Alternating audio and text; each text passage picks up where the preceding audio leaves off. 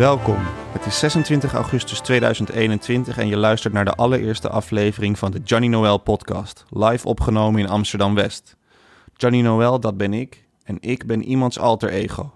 Een alter ego dat weliswaar veel overeenkomsten vertoont met de eigenlijke persoon, maar een alter ego desalniettemin. Ik ben de host van deze show. Ook ben ik schrijver van het boek Sluimerstand, dat binnenkort verschijnt.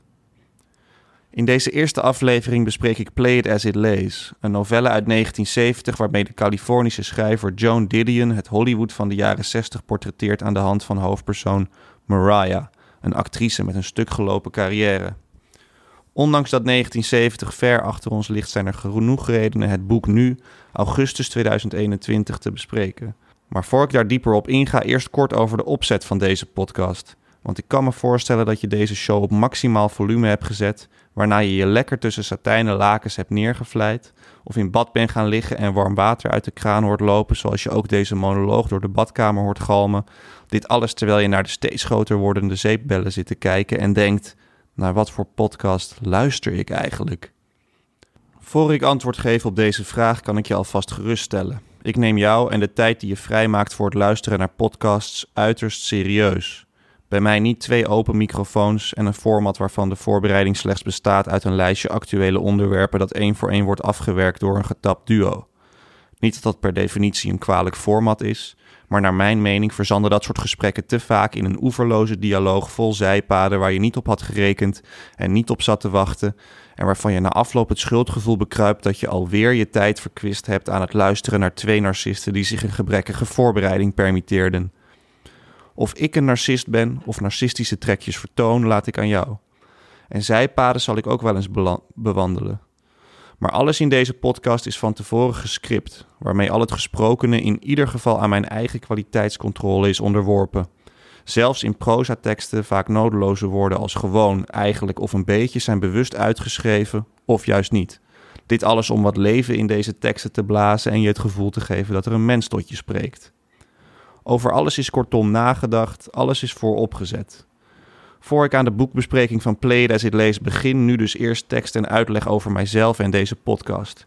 Ook die uitleg is volledig uitgeschreven en zou je kunnen beschouwen als een essay over onder andere pretentie en de verhouding tussen kunstwerk en kunstenaar. En dus als iets dat op zichzelf de moeite van het luisteren waard is. Daar gaan we. Ondanks dat ik al jaren naar podcasts luister en als student op de school voor journalistiek in Utrecht korte radio-items gemaakt heb, is dit mijn eerste eigen podcast en daarmee mijn debuut op de lange afstand. Ik lees boeken, luister naar muziek, kijk films, af en toe een serie en volg sociale en traditionele media. Tegelijkertijd moet ik ook nog heel veel boeken gaan lezen, albums gaan beluisteren en films, series en documentaires gaan bekijken. Ik benadruk dit omdat ik me op geen enkele manier wil presenteren als een autoriteit op welk gebied dan ook. Ik bespreek films en boeken omdat het fun is. Bespreek misschien wel een keer de memoires van een punkgitarist omdat het fun is. Bespreek wat er ook maar voorbij zal gaan komen in de komende afleveringen omdat het leuk is. Ik het leuk vind. Zoals gezegd, vandaag bespreek ik Play It As It Lays vanwege een actuele aanleiding. Maar in volgende afleveringen kan die aanleiding ook veel simpeler zijn. Misschien bespreek ik binnenkort Stanley Kubrick's film Barry Lyndon uit 1975. Enkel en alleen omdat ik hem een paar maanden geleden voor het eerst zag. En onder de indruk was van de epische schaal waarop de film gemaakt is. De shots, de kostuums, de gestileerde sets.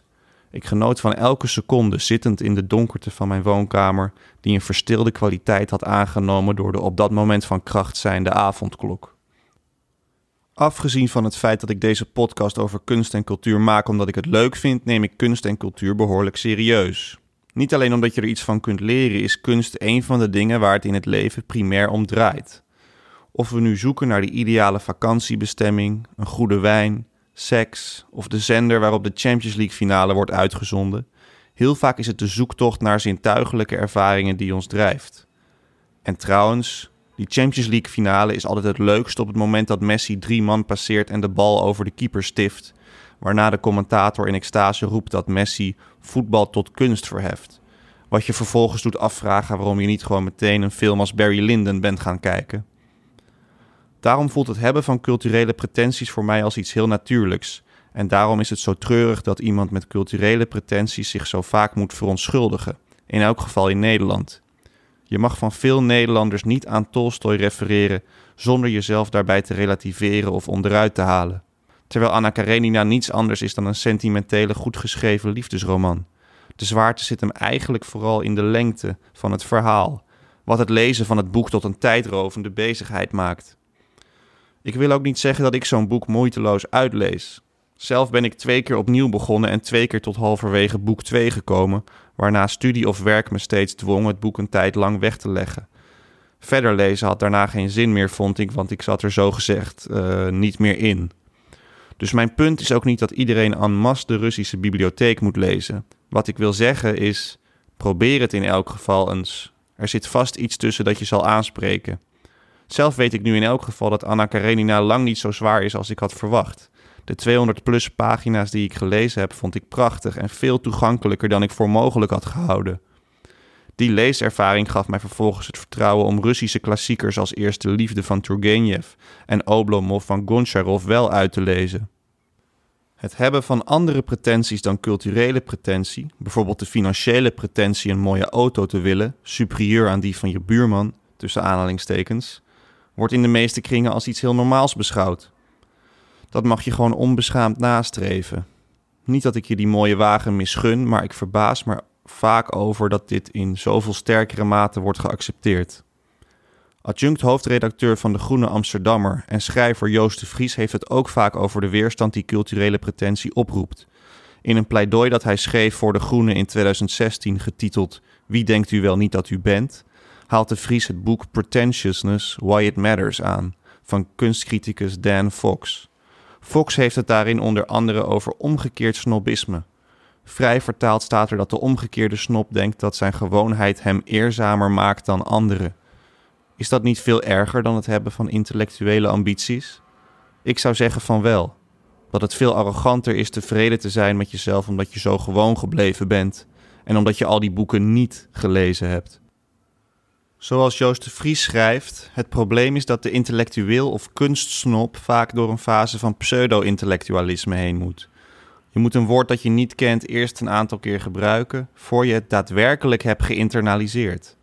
Ik raad iedereen aan Joost's artikel te lezen. Google op wie denkt u wel niet dat u bent en het artikel verschijnt bovenaan. Oké, laat het even bezinken. Roer wat in je gin tonic, laat de ijsklontjes ratelen.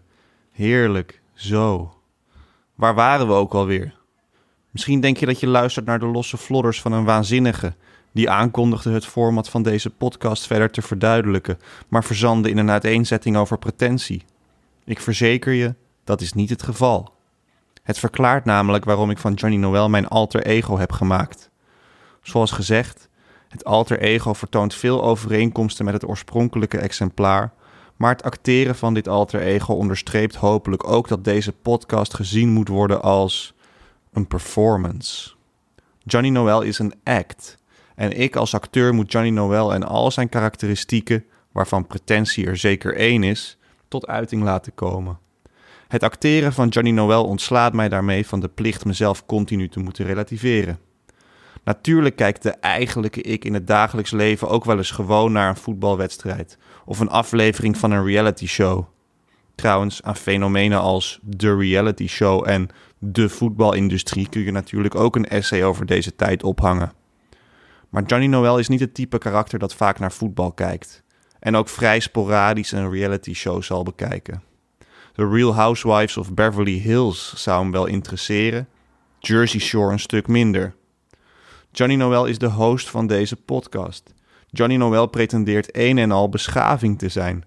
Alles aan hem is gecultiveerd. Johnny Noel heeft stijl. En Johnny Noel spreekt graag op zelfingenomen wijze over zichzelf in de derde persoon enkelvoud.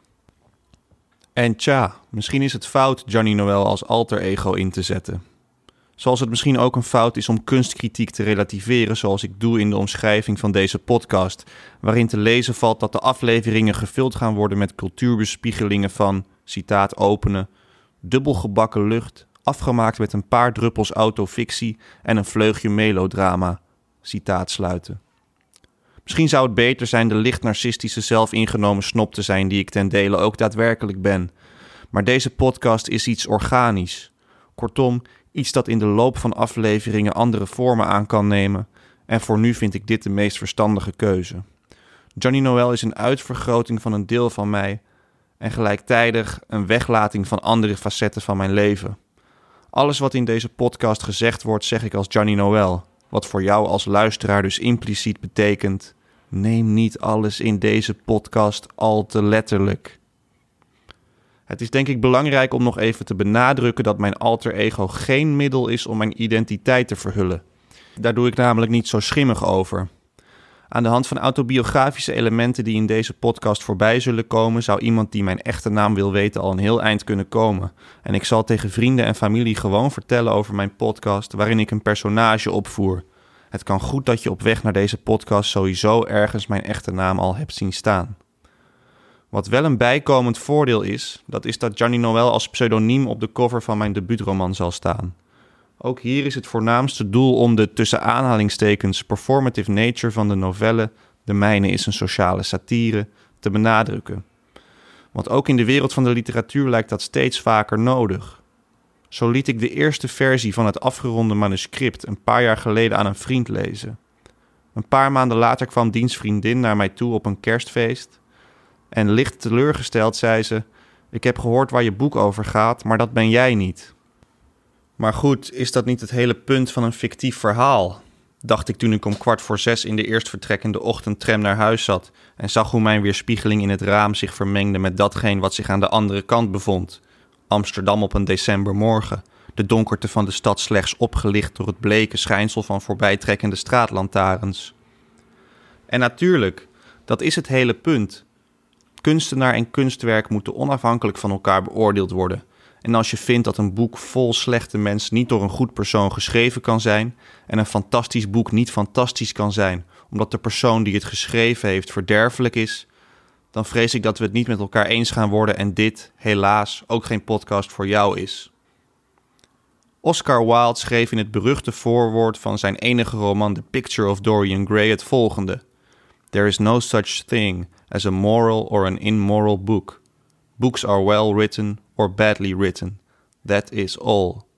Dat is een literatuuropvatting die dicht bij de mijne staat. Tenminste, als met boeks fictieve boeken bedoeld worden. Want een boek kan wel degelijk immoreel zijn als in een non-fictieve context iets objects als geweld, seksisme of racisme wordt aanbevolen.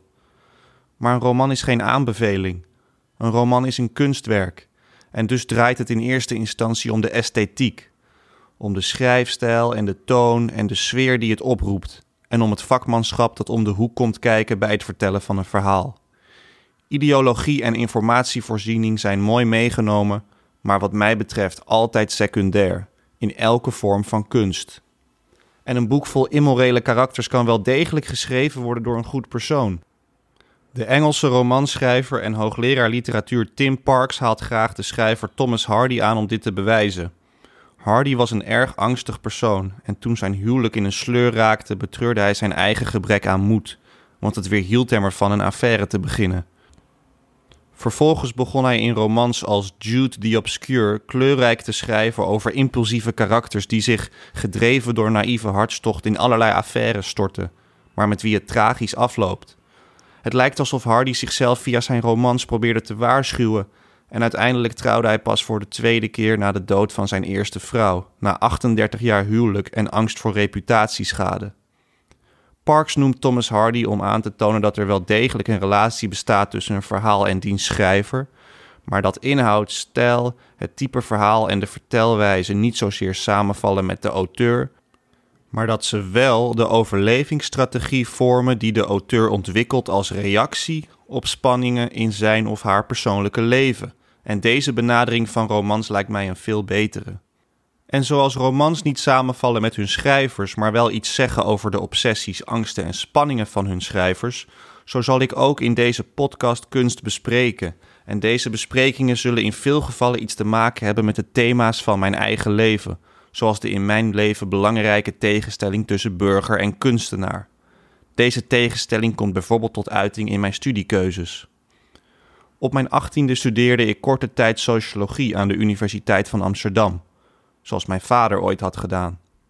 Bob Dylan en The Who waren in die eerste studiemaanden, september, oktober 2010, als een soundtrack wanneer ik het Centraal Station uitliep en transformeerde tot een van de vele gezichtloze schimmen in een over Damrak en Rokin voortslenterende menigte. De mijne had krullerig haar en droeg een kooltrui van de episode onder een sjovele donkergroene jas.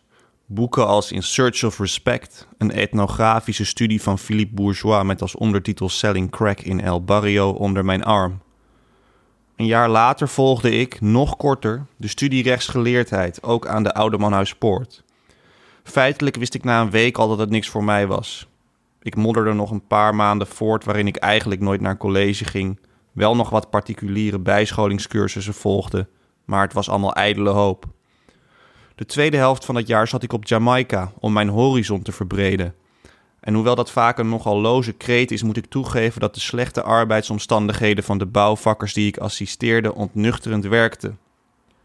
Als ik zeur om iets kleins, denk ik wel eens aan een van hen, de Jamaicaanse spierbundel Splinter, of Splinta, zoals hij het zelf zou uitspreken. Splinter was elke morgen als ik met de taxi aankwam al druk bezig de rode aarde van Mandeville uit te graven voor de fondering van de school, waarin ik in letterlijke zin een klein steentje bijdroeg. Dit deed hij altijd in hetzelfde mouwloze 50 cent t-shirt. Hij en de andere bouwers die ik hielp hadden niet eens een betonmolen.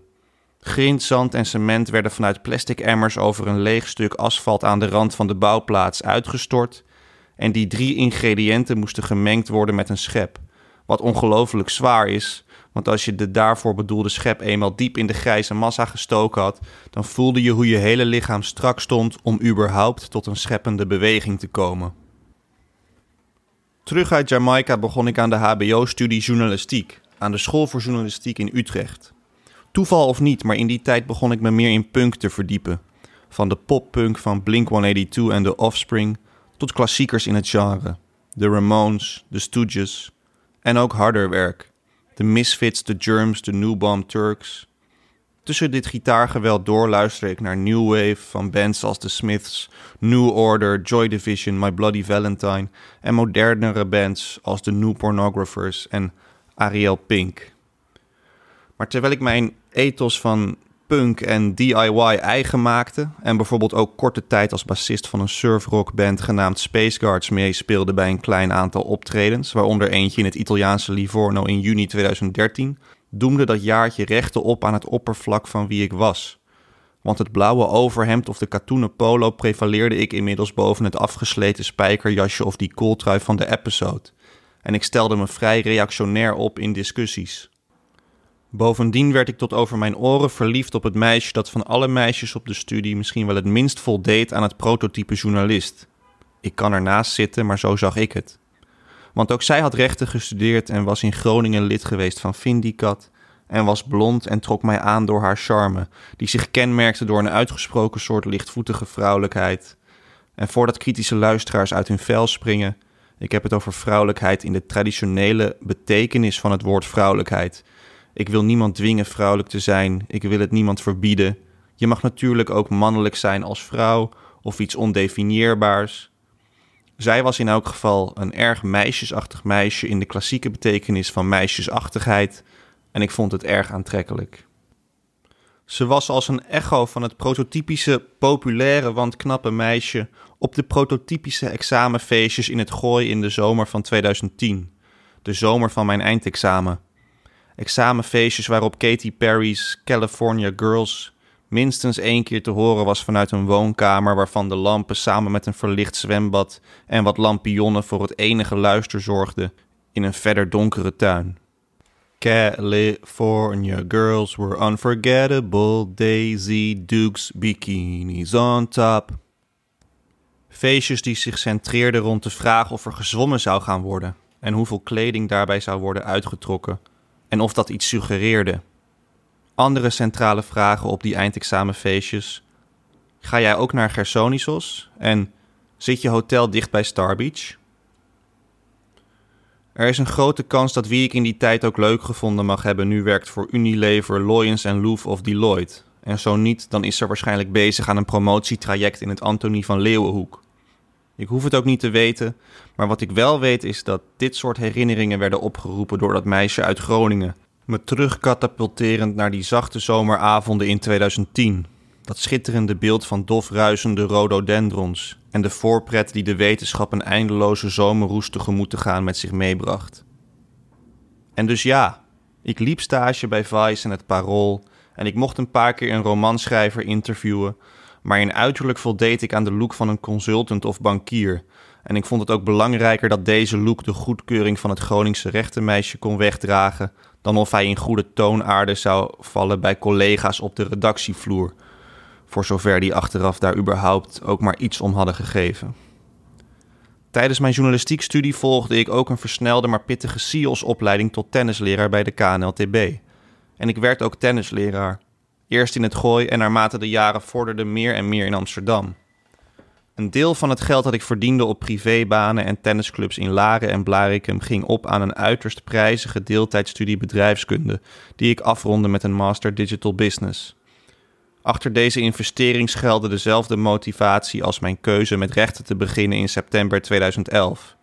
De wil mij te conformeren aan mijn jeugd in Laren en Blarikum en aan vrienden en familie die daar wonen. Je kunt het Gooi overigens ook kennen als achtergronddecor van de door Linda de Mol ontwikkelde serie Gooise Vrouwen, die tussen oktober 2005 en oktober 2009 werd uitgezonden op RTL 4 en waarin het verhaal verteld wordt van vier geprivilegeerde vrouwen wier decadente midlife-problemen tot in het cartooneske worden getrokken. Het Gooi is ook een VVD-bolwerk. In Laren bijvoorbeeld stemde tijdens de Tweede Kamerverkiezingen van 17 maart 39,8% op de VVD, waarmee de partij glansrijk won. Op de tweede plaats met ruim 17% D66, derde het CDA met bijna 10%, vierde de PVV met ruim 7%. Naast decadentie viert de conservatieve burgerlijkheid er kortom hoogtij. En ik heb nog altijd een haat-liefde verhouding met het gooi. Ik denk dat dat komt doordat ik in een heel liefdevol gezin ben opgegroeid. Met ouders die voor de VPRO werkten en mij en mijn zusje nooit in een keurslijf hebben willen persen. Op zomervakanties met het gezin las mijn vader bijvoorbeeld Hunter S. Thompson en Tennessee Williams. Bob Dylan en David Bowie waren zijn muzikale favorieten. En in de jaren 80 was hij een van de makers van het televisieprogramma Jonge Helden. Een culthit en een ontzettend vrolijk jongerenprogramma dat vanuit een opzwepende post-punk gedachte probeerde in te druisen tegen de cynische no-future moraal van jongeren in die tijd. Doordat het thuis altijd goed was, heb ik me ook altijd vrij makkelijk door het gooi weten te navigeren. Je zou bijna kunnen zeggen dat mijn ouderlijk huis een soort voorloper was van wat nu een safe space zou heten. Een safe space waarin je jezelf kon zijn. Ik vond het gooi vooral erg mooi. De huizen, de natuur. En toch had ik het gevoel dat ik een soort outsider was. Ik herinner me nog een moment in groep 7 van de Larense Montessori school. Het toen meest populaire meisje stelde een ranglijst op van wie de leukste kleding aan had en waarin ik buitengewoon laag scoorde, mede omdat ik geen merkkleding droeg.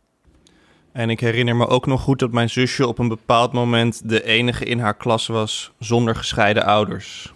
Zij zat op wat volgens mij feitelijk beschouwd kan worden als het meest corporale uh, instituut van Nederland, de middelbare school, het Willem de Zwijger College in Bussum, en werd lid van Vindicat. Ook op mijn middelbare school bleken vrienden tot mijn verbazing naar het koor te gaan, zoals hun ouders dat blijkbaar ook hadden gedaan. Ik had tot die tijd geen weet van deze traditie ik heb het koor eigenlijk nooit overwogen en het had ongetwijfeld gemogen van mijn ouders, maar werd pas rond mijn eindexamen onderwerp, toen plots de helft van mijn vrienden zich dus bij het koor wilde aansluiten. Ik heb er kort over nagedacht. Die ontgroening, daar had ik niet zo'n zin in en dat was dat. Het was kortom allemaal vrij comfortabel bij ons thuis, maar de spanning bleef. Was ik in het gemiddelde Gooise gezin terechtgekomen, met bijvoorbeeld een dominante vader in de gemeenteraad van de VVD, dan was deze spanning waarschijnlijk al lang uit de lucht geweest. Ofwel was borrelend onbehagen tot een kookpunt gekomen en zou ik me nooit meer iets van de normen in het reservaat, want zo wordt het gooi in de thriller van Lieselot Stavorinus genoemd, dan zou ik me daar nooit iets van hebben aangetrokken.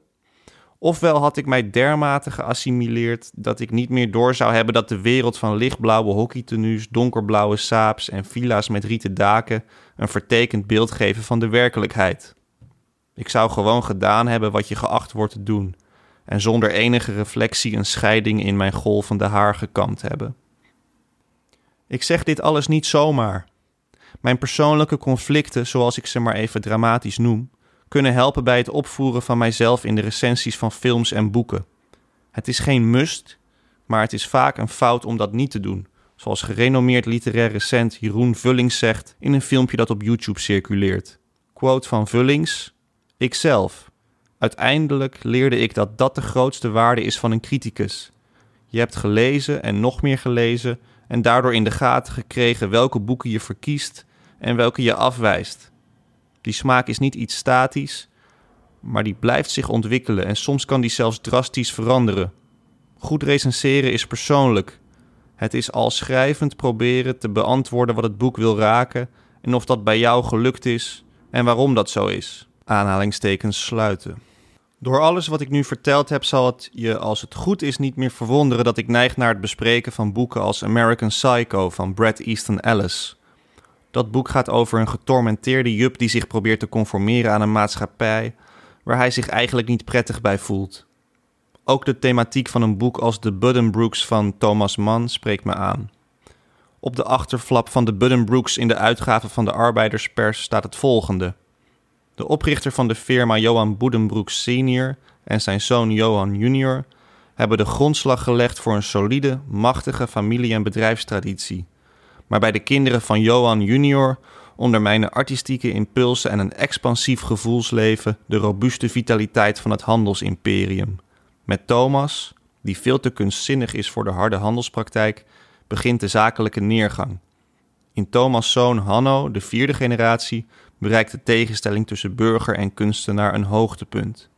Aanhalingstekens sluiten. Door mijn persoonlijke leven en persoonlijke smaak te betrekken in mijn besprekingen hoop ik dat ze het niveau van feitelijke analyses zoals je die vindt op Wikipedia en scholieren.com ontstijgen. En misschien vind je mijn podcast te lang. Misschien vind je hem pretentieus. Misschien is het gewoon niet jouw ding. Dat mag allemaal. Maar wat ik in ieder geval probeer te vermijden, dat is dat iemand ooit zal kunnen zeggen dat de Johnny Noel podcast geen authentieke podcast is.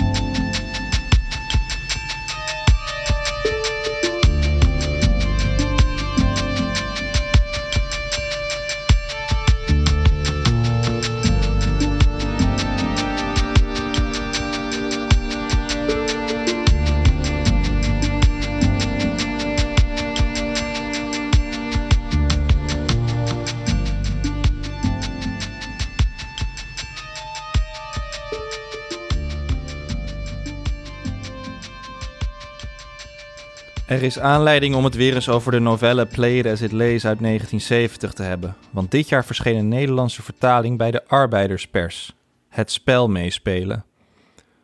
En als er aanleiding is om dit boek van Joan Didion te bespreken, dan maak ik daar graag gebruik van, want sinds ik het voor het eerst las is het een van mijn favoriete boeken. Ik kreeg Play As It Lays een aantal jaar geleden voor mijn verjaardag, op 25 december 2015. Want ja, luisteraars, ik ben inderdaad jarig op eerste kerstdag. Mijn uitgave is er eentje uit 2005 van de uitgeverij Farrar, Strauss en Giroux. Met een coverdesign van Lynn Buckley en een voorwoord van filmcriticus David Thompson. Ik heb het boek diezelfde kerstvakantie nog gelezen en sinds die tijd ook al een aantal keer herlezen. Wat op zich ook geen grote prestatie is. Het boek is net als de meeste van Didion's boeken niet zo dik en geschreven in de haar kenmerkende stijl. Een onderkoeld soort minimalisme met zinnen waar geen woord te veel in staat en die bijna altijd raak zijn. Net zo raak als de zinnen van Ernest Hemingway, die een van Didion's grootste inspiratiebronnen was. Als tiener schreef Joan zijn zinnen over om een beter begrip te krijgen van de ritmiek in novelles als A Farewell to Arms. Didion heeft altijd boeken willen schrijven die in één sessie kunnen worden gelezen, kaft tot kaft. En haar minimalistische stijl en het ongekend schrijverstalent maken dat je het boek inderdaad in een onverminderd hoog tempo leest. Mij is het ook gelukt Play As It Lees in één ruk te verslinden op een avond in de vroege zomer van 2017. Ik denk zo ongeveer eind mei, begin juni. Wanneer het precies was, doet er ook niet toe. Ik herinner me die avond vooral heel levendig omdat de omstandigheden de magie van Didion's proza versterkten.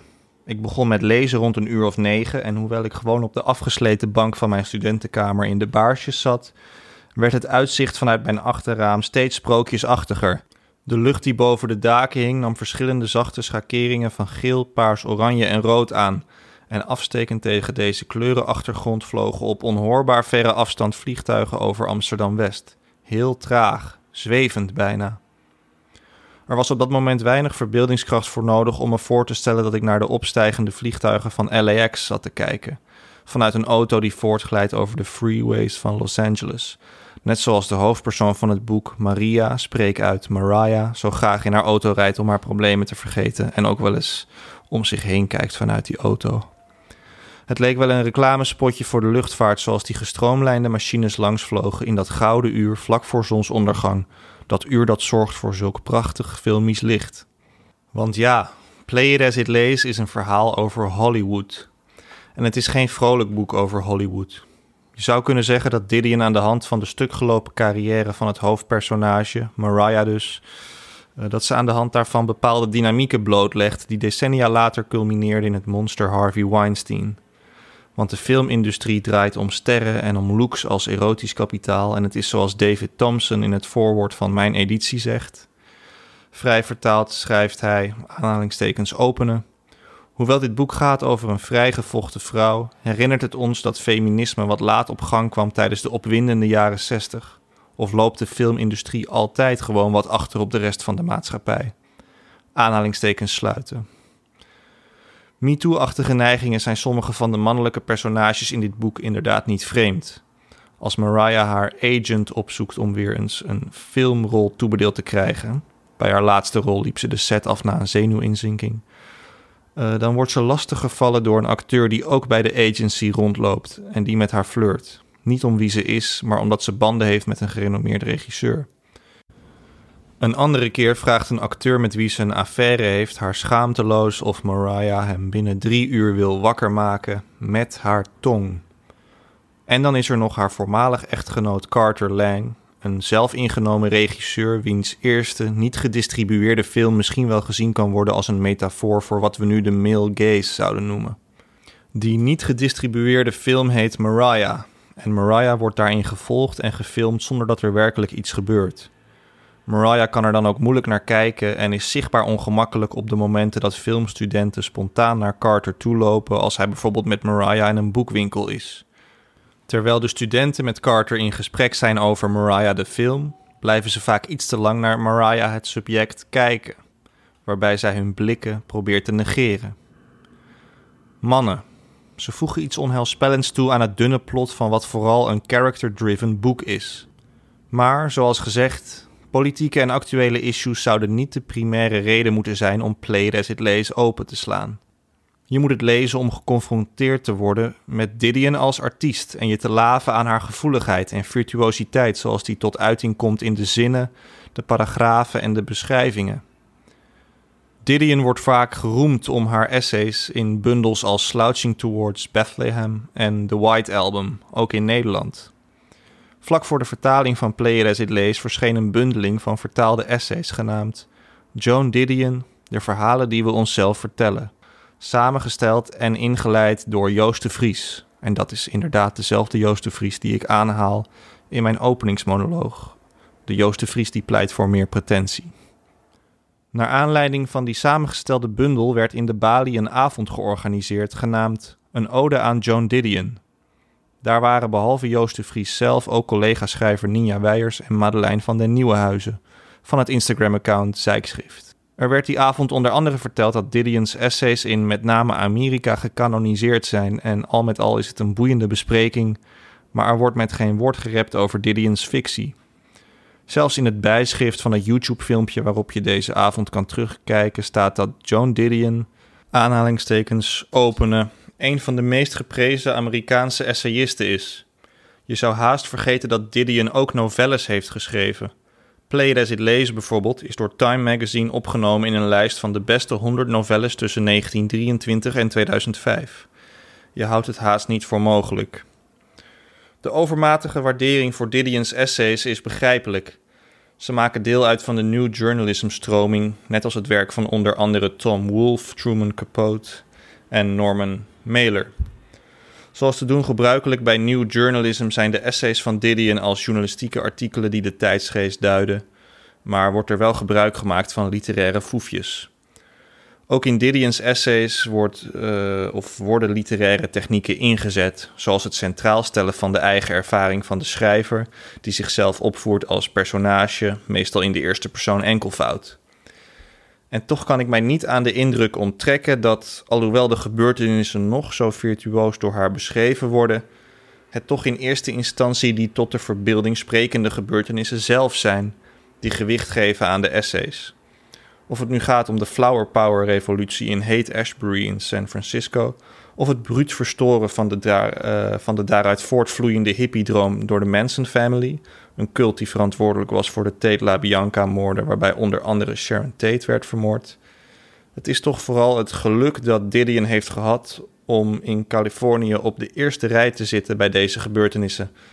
En ik wil niets afdoen aan Didion's talent als schrijver en ik vind het ook niet onterecht dat Publishers Weekly het titelessay van The White Album opnam in hun lijst van beste Amerikaanse essays sinds 1950. Maar alhoewel ze haar persoonlijke leven op zeer intelligente wijze inzet in dat essay, waarin haar geestelijke aftakeling bijvoorbeeld als een vehikel is dat het verhaal voortstuwt, dan nog is het zo dat ook in dit essay vooral Joan Didion als ooggetuige het verhaal interessant maakt. Joan die spreekt met leden van de Black Panther-beweging. Joan bij een repetitie van The Doors. Joan die zich een feestje herinnert waar Janis Joplin plots aanbelt na een optreden en om een exotisch drankje vraagt. Joan in het ondiepe deel van het zwembad van haar schoonzus op het moment dat zij een telefoontje ontvangt waarin ze te horen krijgt over de Tate LaBianca-moorden die de nacht ervoor hebben plaatsgevonden. En Joan die Linda Kasabian, de kroongetuige in de daaropvolgende rechtszaak, ontmoet in de gevangenis. Het is om dit alles dat mensen als Martin Amis soms wat kritisch zijn op Joan Didion. Didion is een uitzondering, schreef Amis, want, quote, Most writers do their living on the side. Nou vind ik de kritiek van Martin Amis op het 38 pagina's tellende The White Album niet helemaal terecht, want het is een geweldig essay. Mooi geschreven, heerlijk om te lezen. Maar het haalt het voor mij toch niet bij Play As It Lays, waarin Didion de fictieve gebeurtenissen zelf heeft kunnen arrangeren op zo'n manier dat haar zinnen er met optimale trefzekerheid uit kunnen komen. Ik zei net uh, dat het boek character-driven is, maar eigenlijk is het ook dat maar ten dele. Wat het boek vooral bijzonder maakt bij een eerste lezing, dat is dat je merkt dat het boek zijn betekenis vooral ontleent aan stijl. Meer nog dan aan plot, meer nog dan aan de presentatie van het hoofdpersonage en diens karakterontwikkeling. Dat zoiets kan, dat stijl het plot en de karakters kan overschaduwen, dat leer je van een schrijver als Didion. De eerste zinnen van Play It As It Lays zijn beroemd en gaan zo. What makes Iago evil? Some people ask. I never ask. Mariah refereert hier aan Iago, de schurk en intrigant uit Shakespeare's theaterstuk Othello. Ze introduceert zichzelf kortom als een ontwikkelde vrouw die er niet voor terugdeinst een theaterstuk van Shakespeare aan te halen, om er meteen aan toe te voegen dat ze zich totaal niet interesseert in een van diens karakters en de herkomst van zijn kwaadaardigheid, want zo zit ze gewoon niet in elkaar. We leren dat Mariah in een psychiatrische kliniek zit, waar ze haar verhaal moet doen om naar redenen voor haar gedrag te zoeken. Maar, zegt ze, to look for reasons is beside the point. Want, een paar zinnen verder, nothing applies. Dit laatste, zo vertelt Mariah, heeft ze in hoofdletters opgeschreven op een formulier dat haar is aangereikt. Dat vindt men in het ziekenhuis waardeloos en dus vertelt ze in de rest van het hoofdstuk wat ze toen wel heeft willen vertellen En dat zijn de simpele feiten van haar leven tot dan toe. Ik citeer: Age 31, married, divorced, one daughter, age 4. En met haar vierjarige dochtertje Kate gaat het niet goed. Wat ze precies heeft wordt niet duidelijk, maar ze heeft een afwijkend stofje in haar hersenen en daarom zit ze in een sanatorium waar ze elektrische schokken krijgt en waar naalden in haar ruggengraat worden gezet om het abstract blijvende probleem te verhelpen. Mariah verwijt Carter als vader van Kate dat hij die prikken heeft toegestaan. Mariah eindigt het eerste hoofdstuk met een korte samenvatting van haar leven. Ze is geboren in Reno, die andere gokstad in Nevada, verhuisd op haar negende omdat haar vader het huis in Reno heeft vergokt, maar zich herinnert dat hij nog een klein woestijnplaatsje bezit, dat Silver Wells heet. Quote van Mariah: Population then 28, now zero. Um, en dan vertelt ze over haar vader en diens compagnon Benny Austin. Uh, die zagen in Silver Wells een potentiële trekpleister. Dus bouwt het duo er een midget golfbaan, een reptielenmuseum en een restaurant annex casino. Maar de snelweg waar haar vader op rekende kwam nowhere near Silver Wells. En deze korte verhandeling over Mariah's jeugd eindigde met het weetje dat Silver Wells inmiddels door een soort lanceerbasis van het leger is, um, ja, is opgeslokt eigenlijk. Mariah's moeder besluit daarop dat haar dochter naar New York moet, waar Mariah acteerlessen gaat volgen. Mariah vertelt dat ze er goed uitziet en dat ze niet weet of dat een vloek of een zegen voor haar is. Ze zegt: I'm simply stating a fact. I know it from all the pictures. Mariah brengt wat onheilspellende zaken naar boven in dat openingshoofdstuk. We weten eigenlijk vanaf het begin al dat dit geen vrolijk boek gaat worden. Niet alleen heeft Mariah nihilistische neigingen, want afgezien van de gezondheid van haar dochter lijkt niks haar te kunnen schelen. Ook niet de vraag waarom de giftigheid van twee ogenschijnlijk identieke slangen toch enorm kan verschillen. Maar we komen er als lezer ook nog achter dat haar moeder opgegeten is door coyotes toen de motor van haar auto uitviel in de woestijn. Op dat moment zit Mariah nog in New York. Ze is zo in shock van het nieuws dat ze het uitmaakt met haar vriend, die ze verruilt voor Carter. Carter heeft zoals gezegd een paar filmrollen en ze trouwt met hem en verhuist naar de Amerikaanse westkust, waar het duo weer uit elkaar gaat nadat ook Mariah's vader komt te overlijden. Wat ik nu ga zeggen lijkt erg lyrisch, maar dit eerste hoofdstuk, deze eerste pagina's vanuit Mariah's perspectief, behoren wat mij betreft absoluut tot de allermooiste in de Amerikaanse literatuur.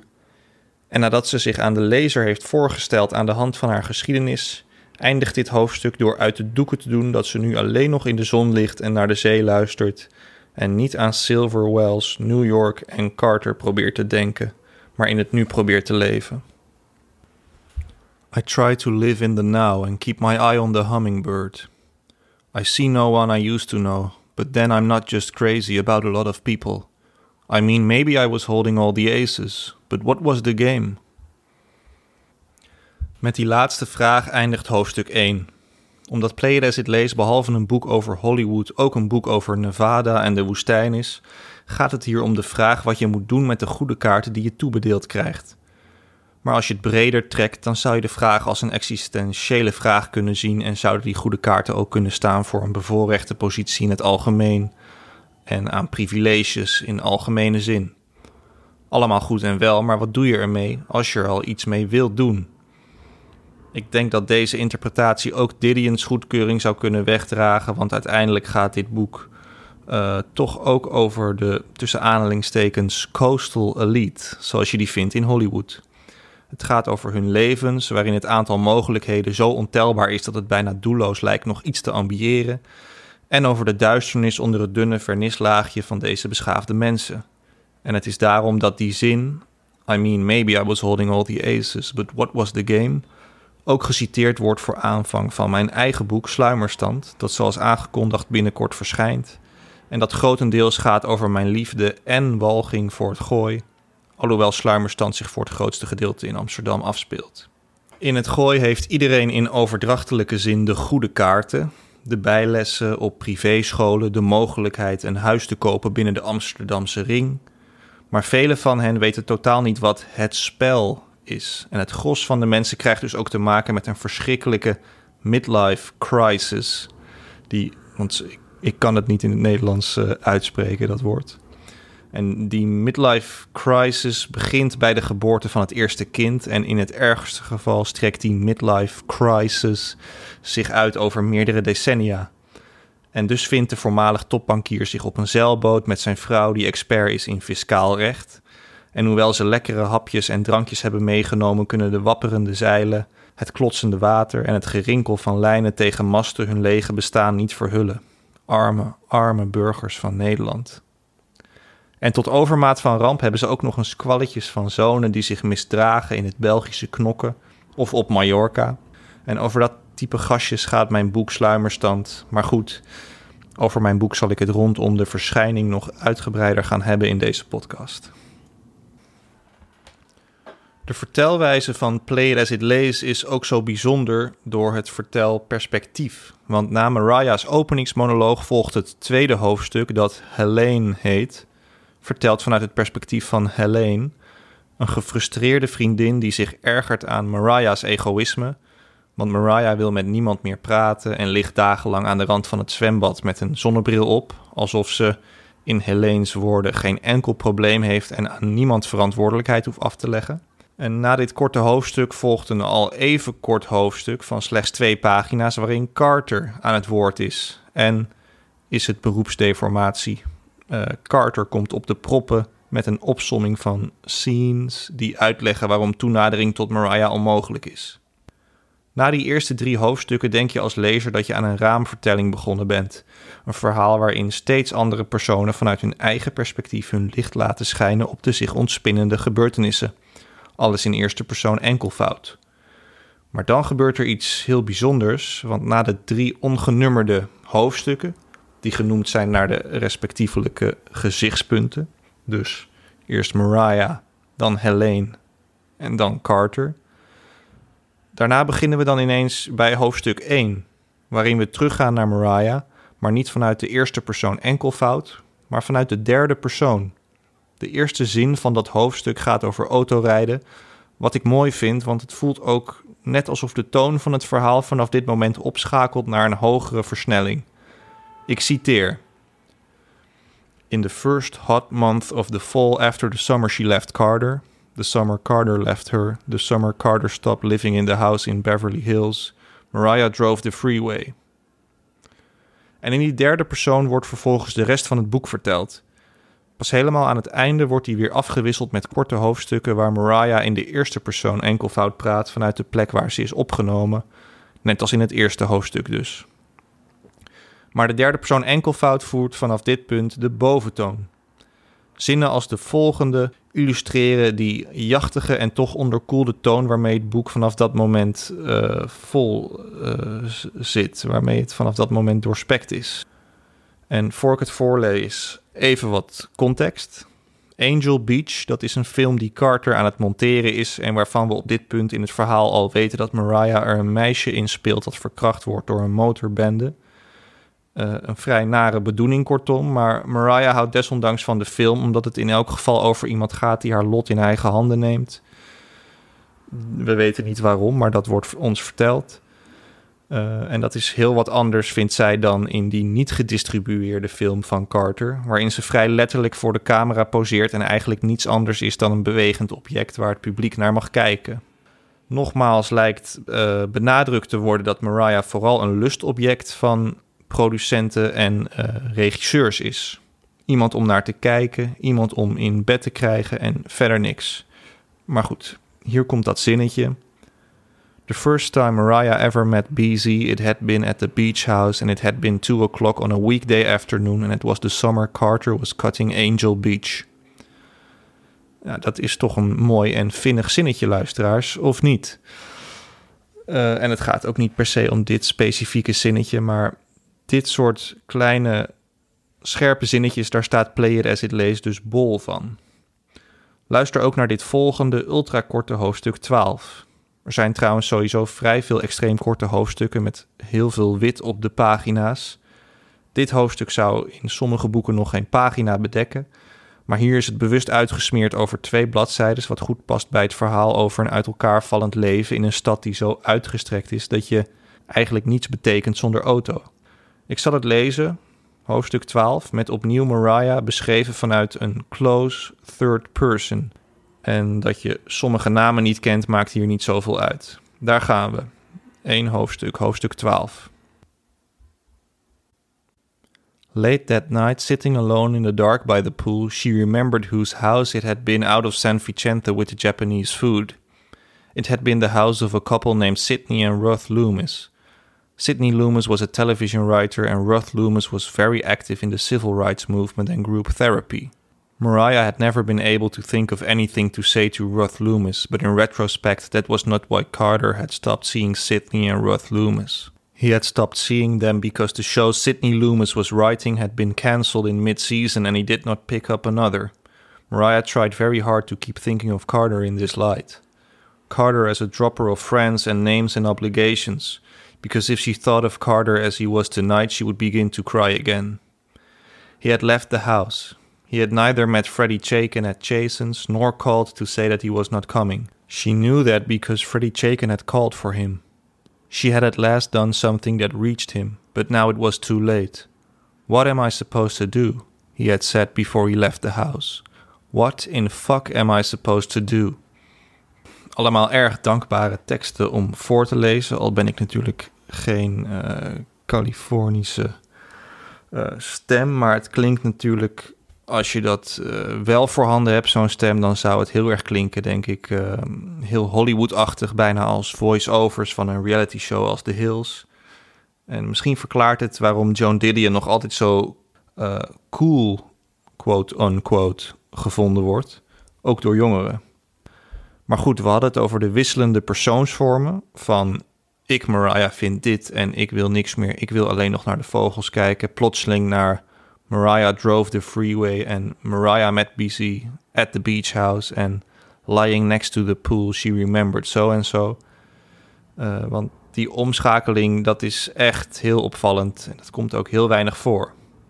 En het interessante is dat Didion zelf uitleg geeft over die wisselende perspectieven en persoonsvormen in de Paris Review, het magazine dat beroemd is om zijn lange sferische interviews met gerenommeerde schrijvers. Didion, uh, zij is natuurlijk zo'n grote naam. Uh, en zij is wel zo'n grote naam dat zij als een van de weinigen twee keer is geïnterviewd. En in een van die interviews, ze is dus twee keer geïnterviewd door de Paris Review, als een van de weinigen. En in een van die interviews legt ze uit dat ze Play As It Lays volledig in de eerste persoon had willen schrijven.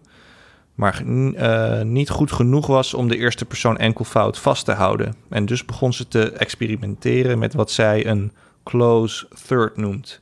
Geen alwetende verteller die over Mariah vertelt, maar een onbekende die over Mariah vertelt in de derde persoon en dicht bij haar staat. Didion merkte dat ze wisselend in de eerste en de derde persoon enkelvoud over Mariah's verhaal uh, nadacht. En achteraf hielp het haar om het verhaal te versnellen richting het einde. Als de eerste persoon enkelvoud uh, de derde persoon enkelvoud weer begint af te wisselen dat is dus het moment waarop Mariah weer vanuit de kliniek begint te praten, af en toe. Een van de uitdagingen bij het schrijven van een boek is om monotonie te vermijden. En Didion maakt uiteindelijk dus op een slimme manier gebruik van de wisselende vertelperspectieven. Want natuurlijk is dat bewust. En natuurlijk is het zo dat een schrijver met een pen als Didion dit boek eenvoudig in de eerste persoon had kunnen schrijven. Als ze dat had gewild. Al was ze dan nog zo jong toen ze dit schreef in de loop van 1969. Ik ga verder niet al te veel weggeven over de rest van het boek, maar het zou op dit punt duidelijk moeten zijn dat het een duistere en pessimistische weergave van Hollywood is en van de mensen die je daar kunt tegenkomen. Sommigen vinden dit boek dan ook een uitgesproken feministisch boek dat waarschuwt voor toxische mannen in de filmwereld. Ik gaf zelf al wat voorbeelden en ook Kaya Gerber, de dochter van Cindy Crawford en zelf ook niet misselijk van modellenklusjes in bladen als Vogue, is een van de lezers met een zeer feministische interpretatie van het boek. Gerber bespreekt in haar, boekenclub, uh, in haar boekenclub, die ze begon om iets om handen te hebben tijdens de quarantaine, uh, hoe Didion benadrukt dat mannen continu iets van Mariah willen en dat Mariah duidelijk een druk voelt om er goed uit te zien voor mannen. En hoe ze eigenlijk symbool staat voor het type vrouw dat nooit het main character zou spelen in een film in die tijd, eind jaren 60 En Gerber en haar gast Emily Ratajkowski benadrukken in dat YouTube-filmpje hoe cool het is van Joan en hoe vooruitstrevend om dat type vrouw centraal te stellen in haar roman. De actrice die een soort verdoofde droefheid over zich heeft gekregen door al die mannelijke filmregisseurs met hun haantjesgedrag en door diepe verdriet er niet voor haar kind te kunnen zijn. Dat was echt wel iets heel revolutionairs voor die tijd, wat Joan deed, om die actrice de centrale figuur in het verhaal te maken. En even een spoiler alert voor wie dat nodig heeft. Zelf ben ik niet zo van de spoiler alerts, want ik vind boeken of films die puur afhankelijk zijn van een spannend einde sowieso niet goed. Het gaat wat mij betreft altijd om de vibe en de sfeer van het verhaal, terwijl het zich ontvouwt over de pagina's. Maar goed, bij deze spoiler alert. Mariah is zo verdrietig dat ze haar dochter niet of nauwelijks mag zien, dat ze allerlei seksuele relaties aangaat met mannen.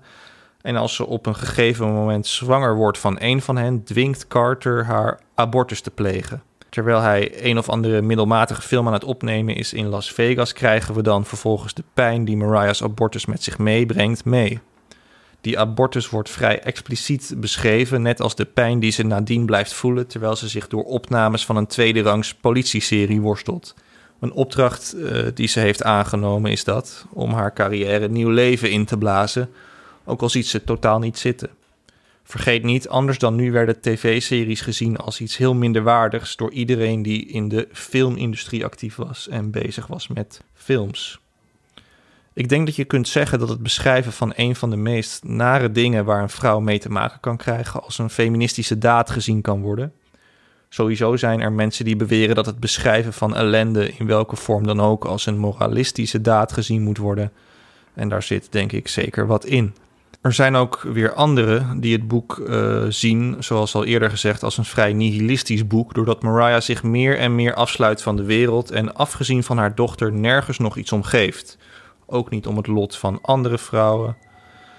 En eindeloze autoritten over de freeways en door de woestijn helpen op een gegeven moment ook niet meer om haar ellende te vergeten. Net als de filmische scènes van Mariah die s'nachts uh, slaapt op de rotanstoel naast haar zwembad. En ook de heerlijke details van vrouwen met geëmailleerde armbanden en mannen die altijd tussen aanhalingstekens op locatie zijn. En van sets die in brand vliegen, van spiegels en karaffen die in scherven uiteenvallen tijdens echtelijke ruzies. Ook die details lossen niks op voor Mariah. Niemand heeft echt begrip voor haar, behalve misschien BZ, die ze zoals gezegd ontmoeten in een strandhuis en model staat voor een bepaald soort decadentie een soort die onder andere tot uiting komt in het feit dat hij zich te goed doet aan seksuele uitstapjes, terwijl zijn moeder ondertussen zijn vrouw betaalt om het huwelijk niet te laten klappen. Toch is BZ een van de weinigen die echt oog heeft voor Mariah, maar, spoiler alert, omdat hij richting het einde zelfmoord pleegt, begint ze een nog teruggetrokkener bestaan te leven.